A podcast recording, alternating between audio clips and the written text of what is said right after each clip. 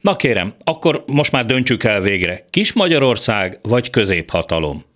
Mind a két kifejezés ugyanattól a szemétől származik, alapvetően gyökeres ellentmondásban van egymással, de beleillik a NER 12 éves korképébe. Vagy korképet helyesebb lenne mondani? Döntsék el önök. Az igényt arra, hogy Magyarország a Kárpát-medencében előbb vagy utóbb középhatalommá váljon, ugyanaz a személy fogalmazta meg tavaly karácsony előtt egy zárt körű Fidesz vacsorán, a másikat pedig legutóbb Szatmár csekén a himnusz évfordulós megemlékezésén. Még szerencse, hogy nem Csonka Magyarországot mondott az első számú vezető, bár meg lehet pár hónap múlva eljöhet az is, amikor már száz százalékban a Horti Magyarország gondolatait és kifejezéseit fogja szajkózni ő is. Hogy mindez hová vezet, sajnos azok, akik még rendesen megtanulták a történelmet, nagyon is jól tudják.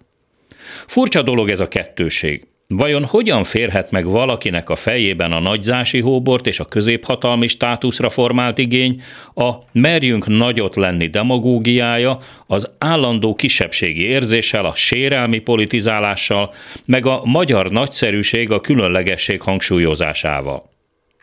Őrült beszéd. Őrült beszéd, de van benne rendszer, mondja Hamlet Dán királyfi Shakespeare tragédiájában.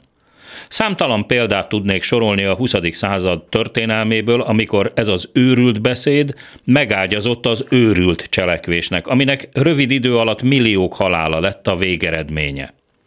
Az esztelen háború a szomszédunkban, Ukrajnában pontos példája mindennek. Az orosz közönséget évtizedekig tréningezték a Szovjetunió különlegességére, külön utasságára és küldetésére. Össze is omlott annak rendje és módja szerint. Vladimir Putyin uralkodásának elmúlt két évtizede alatt még erőteljesebben folytatódik az agymosás, ezúttal a nagy orosz birodalom visszaállításáról, a gyarmatosító terület szerző háborúk ideológiai megtámogatására.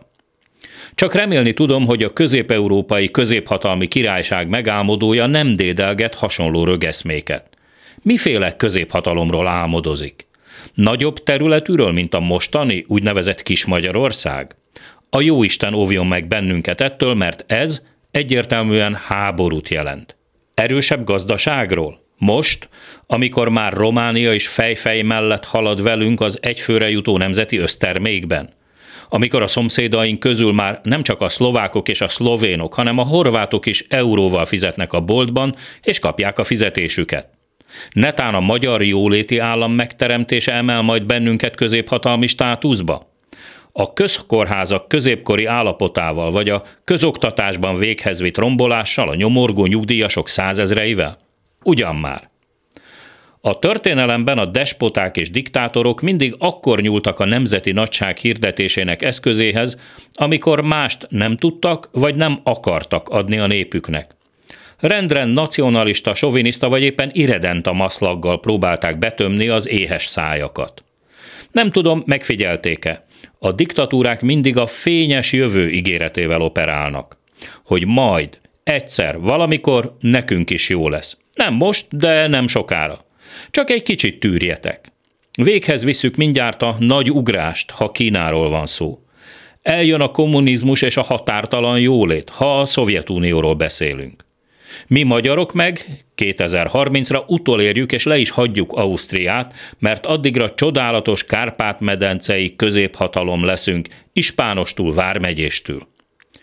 Ami engem illet sokkal boldogabb lennék, ha a művelt és egészséges magyarok milliói miatt tartoznánk legalább az európai középmezőnybe. A középhatalmi álmok kergetője meg csak járjon foci meccsekre a nagy Magyarországos sájával. Amíg a vippáholyban szotyolázik, legalább addig nem okoz több kárt nekünk.